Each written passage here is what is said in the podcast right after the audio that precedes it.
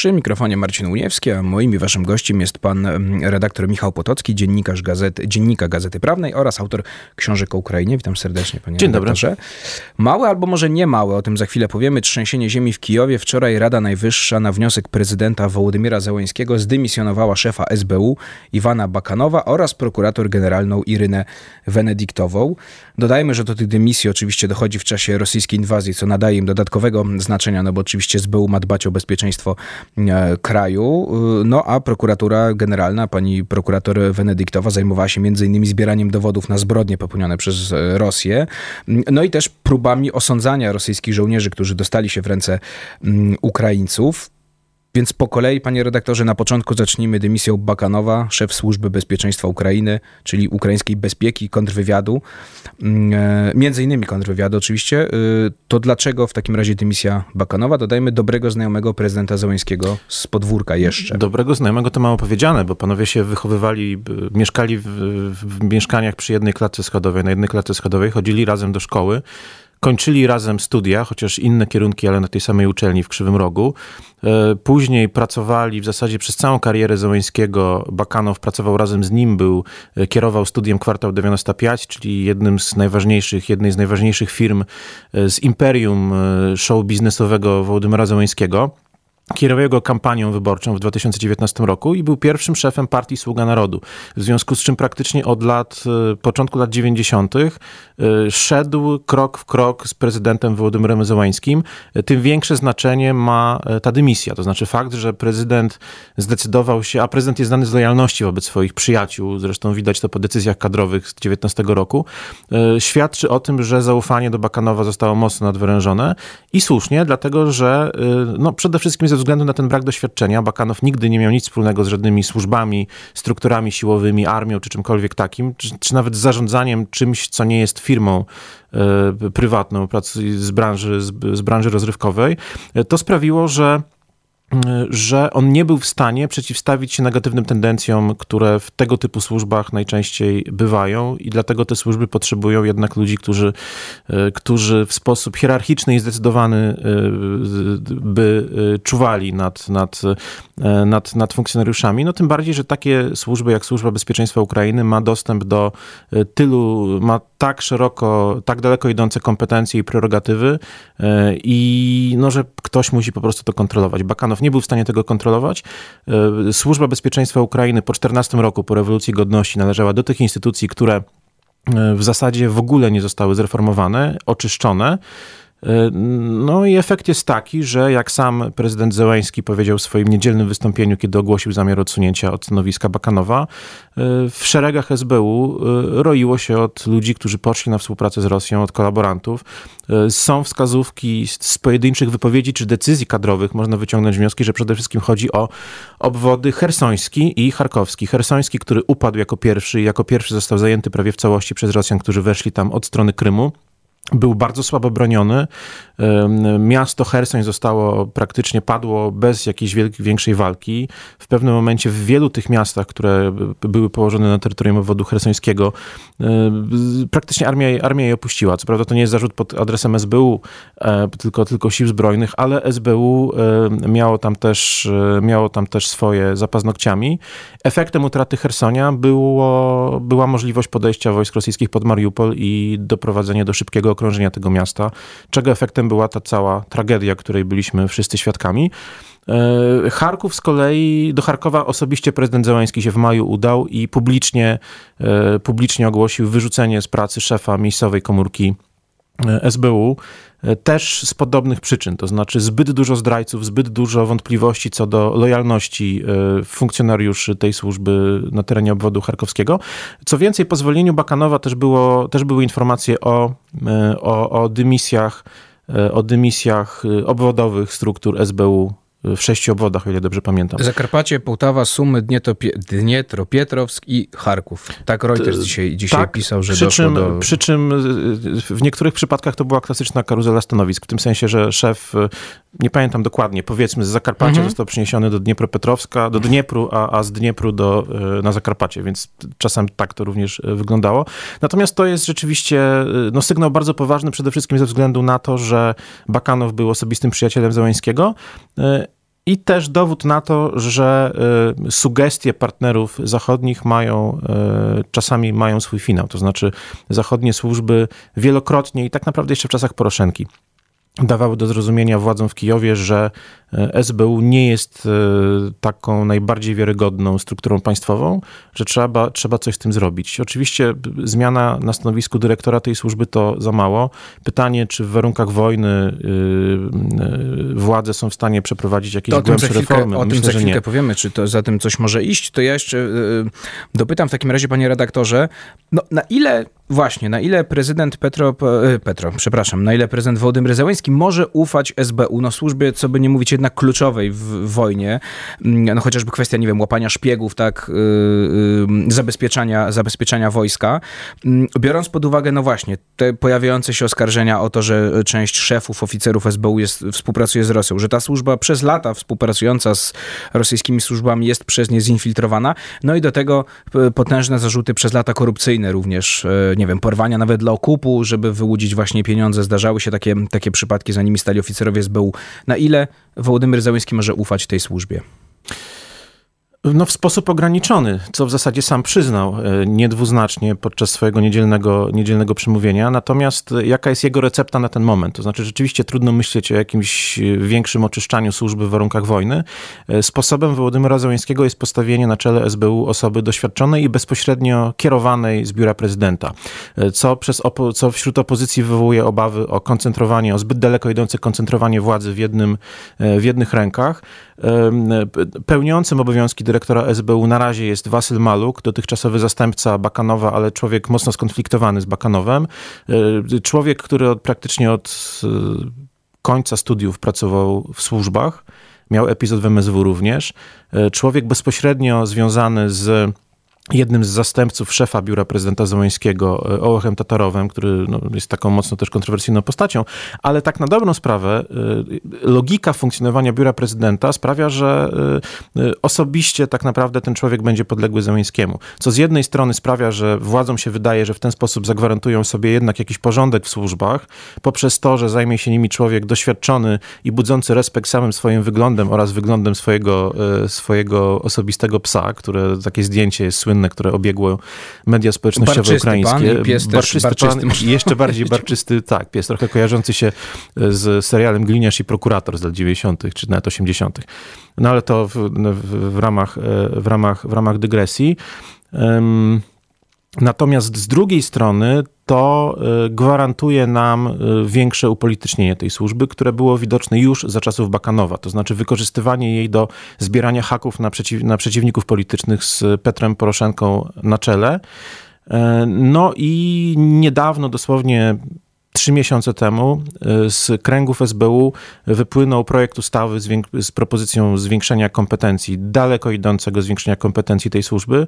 On jeszcze nie został, y, nie był rozpatrywany przez parlament, ale to też wskazuje na to, że no te obawy opozycji o to, że e, to prowadzi do autorytaryzacji władzy, niekoniecznie muszą być zupełnie e, wyssane z palca. Rozmawiamy o Ukrainie, zmiany w Kijowie. Wczoraj Rada Najwyższa na wniosek prezydenta Zełenskiego zdymisjonowała dwie osoby, szefa Służby Bezpieczeństwa Ukrainy i prokurator generalną. Powiedzieliśmy o szefie SBU, o tych powodach. To teraz, panie redaktorze, w takim razie, dlaczego Iryna Wenedyktowa Dodam tylko, prezydent mówił o opieszałości śledczych oraz o tym, że prokuratura oczyszcza się zbyt wolno, to a propos też reform wewnętrznych. No właśnie, czy to są te, czy to są te powody tutaj? Jak, jakie są powody? I też a propos pracowników prokuratury, którzy mieli przejść na stronę, e, na stronę wroga na terenach okupowanych. No padł od razu kontrargument, że w takim razie powinien polecieć też Denis Monastyrski, szef MSW, dlatego że dużo więcej policjantów niż prokuratorów przeszło na stronę Rosji. No ale Monastyrski jest e, lojalnym wykonawcą woli E, prezydenta Zełańskiego, a Wenedyktowa niekoniecznie. E, I o ile, e, o ile zdymisjonowanie Bakanowa, szefa SBU, świadczyło o tym, że władza miała dość no, nieprofesjonalizmu, E, dyrektora. O tyle jeśli chodzi o Wenediktową, to tam są raczej powody stricte e, polityczne. To znaczy Wenedyktowa rzeczywiście zaczynała grać mocno na siebie, bardzo lubiła występy medialne, co się niekoniecznie podobało e, obozowi prezydenta, także, także z tego względu, że decyzje podejmowane przez prokuraturę generalną niekoniecznie szły w parze z ogólną linią polityczną. Zwłaszcza jeśli chodzi o mm, karanie schwytanych Rosjan i y, za zbrodnie wojenne. Y, prokuratura generalna parła do tego, żeby jak najszybciej takie sprawy kierować do sądu, żeby ci ludzie byli, byli skazywani. Zresztą pierwszy wyrok już, mhm. już przecież zapadł. Natomiast, e, natomiast e, to sprawiało, że trudno się z kolei e, przedstawicielom biura prezydenta rozmawiało ze stroną rosyjską w sprawie wymiany jeńców. Dlatego, że Rosjanie mówili, ok, wy będziecie skazywać, jakby skazanie kogoś w procesie, w procesie karnym wyłącza go niejako z konwencji genewskich i tak dalej. Czyli sprawia, że no, żeby taka osoba była, mogła być przekazana w ramach wymiany jeńców, musiałaby zostać ułaskawiona przez prezydenta, wydłuża to procedury i wydłuża rozmowy. I i, i formalizuje je niejako. A tego typu rozmowy są zwykle bardzo, po pierwsze, nieformalne, a po drugie, no, bardzo wrażliwe. E, I Rosjanie, Rosjanie y, mówili, że jeśli wy będziecie skazywać naszych, to my wam zaraz wszystkich Azowców na przykład E, czyli e, e, żołnierzy pułku Azow walczących w Mariupolu, schwytanych w Mariupolu, poskazujemy na wieloletnie wyroki i będziecie mogli się o nich starać po, dopiero jak, je, jak się te wyroki zakończą. I to wywoływało duże tarcia na linii przede wszystkim, przede wszystkim Wenedyktowa, Andrii Jermak, szef biura prezydenta, który odpowiadał między innymi za tego typu, za tego typu rokowania. Natomiast Wenedyktowa też była dosyć niezależna, jeśli chodzi o mm, no ona nie pałała chęcią na przykład do tego, żeby podpisywać się pod dokumentami e, związanymi ze śledztwami wymierzonymi w przeciwników politycznych Załęskiego. E, w sprawie Petra Poroszenki, jeszcze przed inwazją, która na przełomie roku doszła do sądu, sąd e, miał decydować i zdecydował o ośrodku zapobiegawczym e, wobec Petra Poroszenki. Wenedyktowa e, odmówiła podpisania dokumentów, podpisał je e, jej zastępca Oleksij Symonenko, który teraz jest pełniącym obowiązki szefa prokuratury generalnej, no co jasno pokazuje, kto jest bardziej skłonny do wykonywania politycznych poleceń prezydenta, a kto mniej. E, I, e, I to, wszystko, to wszystko złożyło się na decyzję, na decyzję o dymisji. Czyli o ile, o ile rzeczywiście w przypadku Bakanowa e, powody są merytoryczne, o tyle w przypadku Wenedyktowej powody są raczej polityczne. No właśnie, miałem dopytać jeszcze, panie redaktorze, na ile nie szukając żadnych spisków ani teorii spiskowych, na ile jeszcze jest jakieś drugie dno, w sensie na ile w obu tych dymisjach może chodzić, mo, może też chodzić o mm, e, pewien nie chcę kryzys polityczny, może to za dużo, ale pewne starcia polityczne różnych grup interesów w obozie, w obozie władzy, yy, czy szerzej w strukturach siłowych, bo słychać takie głosy na przykład, że odsunięcie Bakanowa w tym wypadku to wynik rywalizacji ze służbami wojskowymi. Co do Iryny Wenedyktowej, no podaje się to, co właśnie pan powiedział, że ona była zbyt dużą, zbyt bardzo grała na siebie w ten sposób i to się prezydentowi nie podobało. E, no, zawsze i wszędzie służby wojskowe i cywilne są najważniejszymi przeciwnikami. W związku z czym, w związku z czym nie wykluczam, że tam podszepty, podszepty służb wojskowych mogły mieć jakieś, jakieś znaczenie. E, tym bardziej, że, tym bardziej, że e, były dyskusje właśnie w kręgach służb o to, żeby na nowo rozdzielić kompetencje i, i służby wojskowe miały apetyty na to, żeby przejąć trochę e, odpowiedzialności SBU. W związku z czym ja tego nie wykluczam. Natomiast to tak czysto teoretycznie. Mhm. W praktyce nie słyszałem o tym, żeby nikt w rozmowach ze mną, powiedzmy w ten sposób, takiej tezy nie postawił. Natomiast z trzeciej strony znowu szef wywiadu wojskowego Kryło Budanow i dotychczasowy szef SBU Iwan Bakanow to są dwie e, e, osobowości z kompletnie różnych, z kompletnie różnych stron jakby skali. Bakanow, szef SBU, który był bardzo w tyle, publicznie raczej się nie pojawiał, nawet teraz raczej nie komentuje swojej dymisji, chociaż jak twierdzi jeden z takich no, dosyć wiarygodnych portali LBUA, dowiedział się o niej z mediów, tak jak my wszyscy.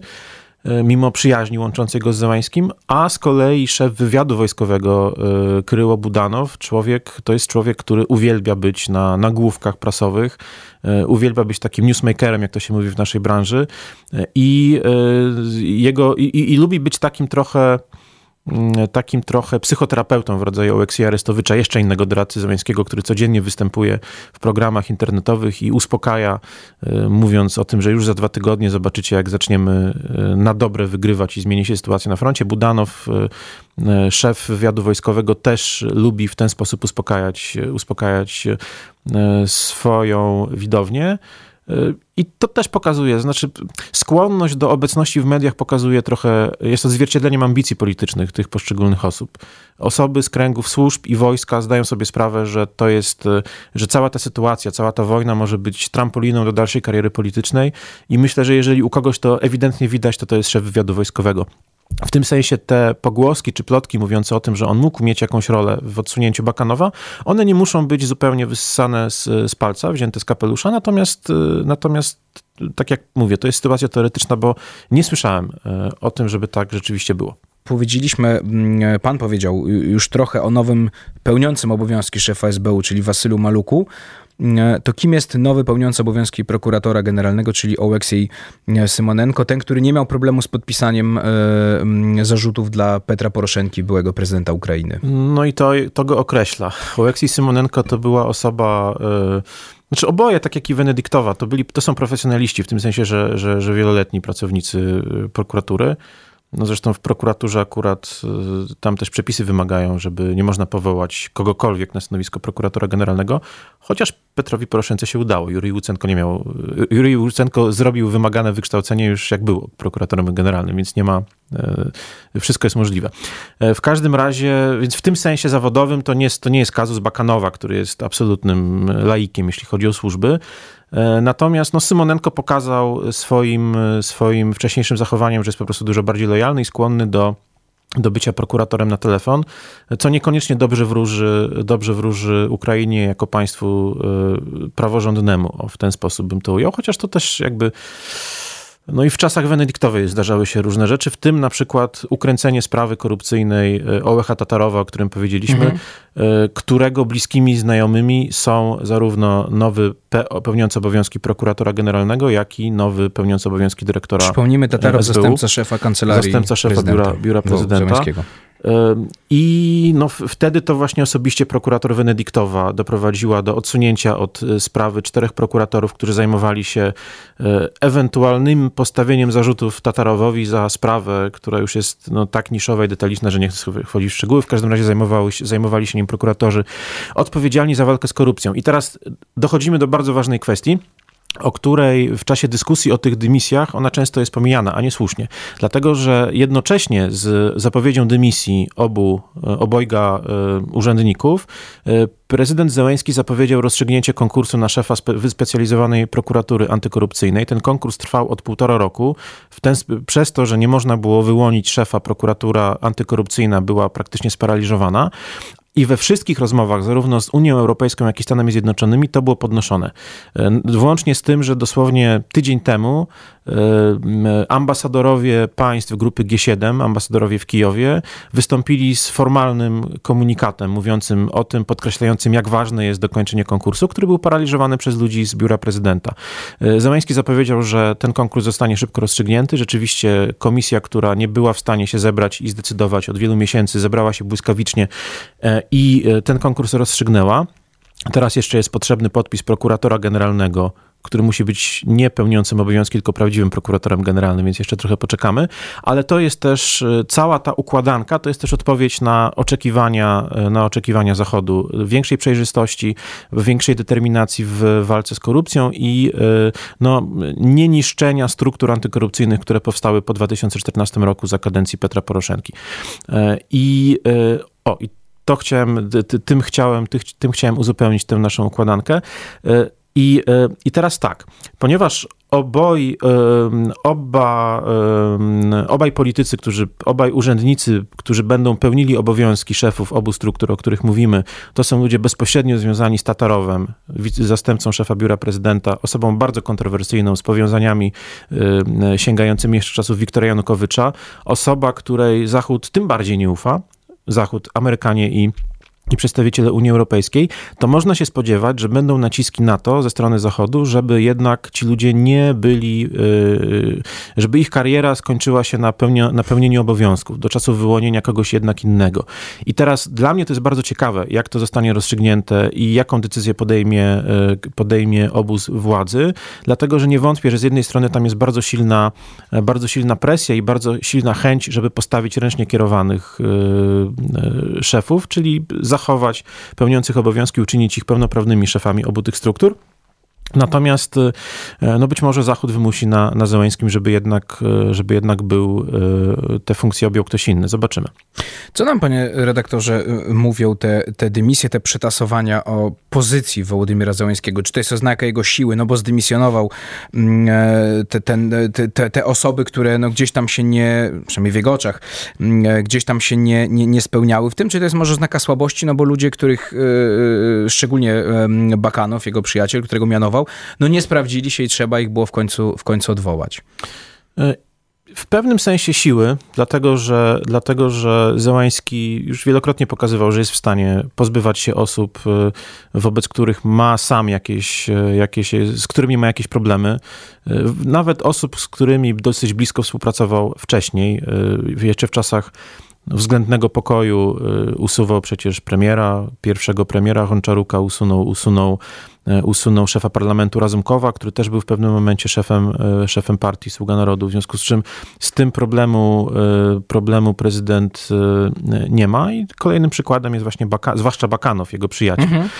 Ale z drugiej strony no jest to oznaka, jest to potwierdzenie zarzutów, które wobec Załańskiego kierowała opozycja od samego początku jego rządów, to znaczy, że no zbyt wiele, zbyt wiele jego osobistych przyjaciół, ludzi bez doświadczenia w zarządzaniu czymkolwiek, ale za to wywodzących się z jego firm z branży rozrywkowej było powoływanych na różne odpowiedzialne stanowiska. I e, w tym sensie i w tym sensie no, wyrzucenie Bakanowa tak naprawdę potwierdza to, że samo powołanie e, tego człowieka na zwłaszcza takie stanowisko jak szef Służby Bezpieczeństwa Ukrainy było po prostu kadrowym błędem. I takich błędów jest więcej. Zobaczymy, czy Zełański pójdzie dalej. E, mówi się o tym, że może pójść dalej i że to nie są pierwsze dymisje. Mówi się nawet o tym, że jesienią będziemy świadkami, e, będziemy świadkami rekonstrukcji rządu, być może nawet z wymianą premiera co by było jeszcze dalej idącą zmianą niż zmiany te, których byliśmy świadkami w tym tygodniu. I ostatnie już zdanie na koniec a propos reformy SBU, która no jest konieczna, mówi się o niej od lat, mm, zarzutów jest mnóstwo. Czy to jest y, możliwe w ogóle, nawet jakieś szczątkowa, poza zmianą oczywiście szefa, teraz kiedy trwa wojna, tak naprawdę otwarta inwazja rosyjska, no czy to będzie odłożone no właśnie, pytanie adakta na ile, e, na ile czasu i, i no, jak ona może pójść, bo powiedział pan, że są te zarzuty, że, że y, może być tak, że obóz prezydenta będzie chciał tą służbę uczynić jeszcze bardziej omnipotentną. No zarzuty były dwojakie wobec SBU. Po pierwsze, po pierwsze brak profesjonalizmu i brak oczyszczenia służby po czasach Janukowycza, brak e, weryfikacji kadr, e, a po drugie dosyć słaba kontrola demokratyczna nad działaniami służby w ogóle, nie tylko SBU, no ale mówimy o SBU. E, zmiana tego stanu rzeczy e, jest chyba niemożliwa w warunkach wojny takiej, e, w warunkach tak jakby szeroko idących mhm. działań zbrojnych. To znaczy, dopóki ta wojna albo nie zostanie zakończona, albo przynajmniej dopóki nie zostanie ograniczona, w jakiś sposób zamrożona, przymrożona, to o jakiejś daleko idącej reformie SBU mowy nie ma. No, czego efektem będzie relatywny brak zaufania zachodnich sojuszników akurat do służby. Amerykanie, Amerykanie jeśli mówimy o strukturach siłowych, wolą się komunikować z Ministerstwem Obrony do, i, ze służb, i, ze, i, z siłami zbrojnymi. To widać po tym, z kim się spotykają delegacje amerykańskie podczas wizyty, wizyt w Kijowie. Bakanowa tam w zasadzie nigdy nie było na tych spotkaniach. Był minister obrony Oleksij Reznikow, który jest bardzo dobrze oceniany na Zachodzie był, e, zazwyczaj jest głównodowodzący generał Wałęsy Załużny, który jest znakomicie oceniany jako, jako strateg, taktyk, jako osoba prowadząca na bieżąco e, działania wojenne. E, no, Bakanowa tam z jakichś powodów, o których, o których mówiliśmy od pół godziny nie było i myślę, że tak będzie dalej. Armia, Ministerstwo Obrony tak, SBU no nie do jest, końca. bo jest, ale nie do końca. E, Michał Potocki, dziennikarz e, Dziennika Gazety Prawnej oraz autor książek o Ukrainie, był moim i waszym gościem. Bardzo dziękuję panie redaktorze Dziękuję serdecznie. E, to była Róża Wiatrów. My się słyszymy oczywiście w środę za tydzień. Ja się nazywam Marcin Uniewski.